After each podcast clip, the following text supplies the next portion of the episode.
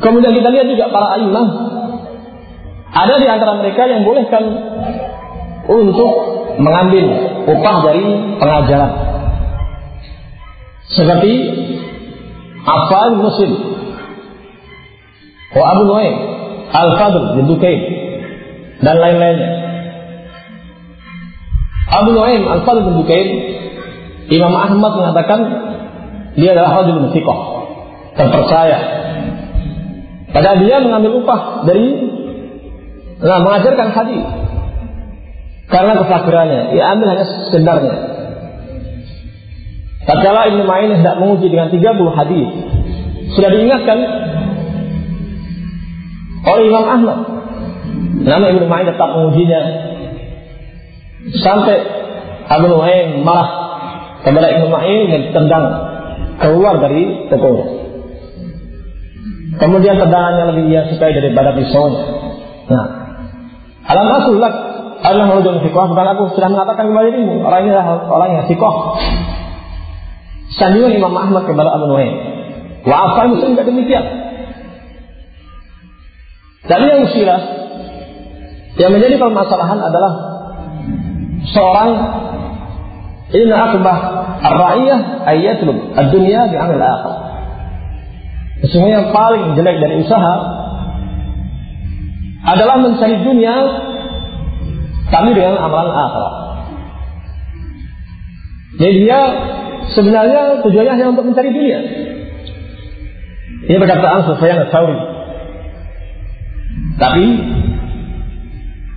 dengan amalan-amalan akhirat. Ini yang paling jelek. Banyak orang menjadikan panti asuhan panti asuhan.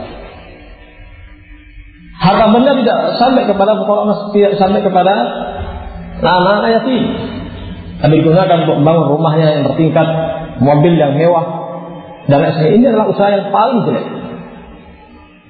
Demikian pula menjadikan bola pesantren untuk menumpuk kekayaan. Inilah usaha yang terjelek. Tapi kalau sekedar karena mungkin tidak ada waktu lagi untuk kerja. Kalau seandainya dia kerja nanti semakin tidak karu karuan. Nah, ada santrinya. Nah, belajarnya dan juga bagaimana menghafalnya, maka tidak mengapa untuk mengambil sekedarnya saja. Nah, ini juga dilakukan oleh Syekh Bil. Nah, beliau tatkala Nah, musadriya masih sedikit itu yang masakkan adalah istri dari Syekh Bil kemudian dimakan bersama-sama. Nah, dimakan bersama-sama. Kemudian setelah santrinya sangat banyak, tidak mungkin istrinya bisa masakkan sekian ribu santri. Nah, kalau hanya masakan mereka mungkin tidak ada waktu lagi sudah untuk belajar. Akhirnya masakan yang lain. Nah, untuk menggaji. Bagi mereka yang kerja di dapur, semua digaji di sana. Bahkan yang ngangkat lam, gandum dan sebagainya itu, ngangkat aja itu digaji di sana. Tidak tahu sendiri. Tidak sudah ngangkat berapa karung. Ini digaji semua.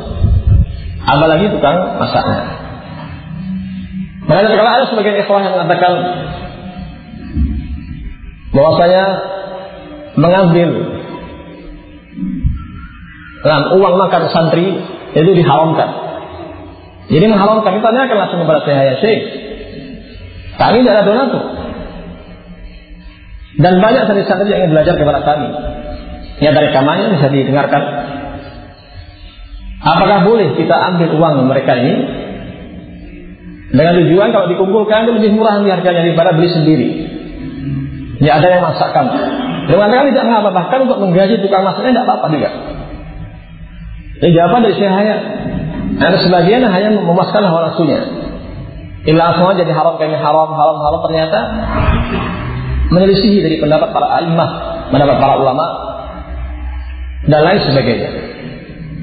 Bahkan para masyaikh baik di Saudi atau di Yaman mereka digaji oleh pemerintah, pemerintah Saudi.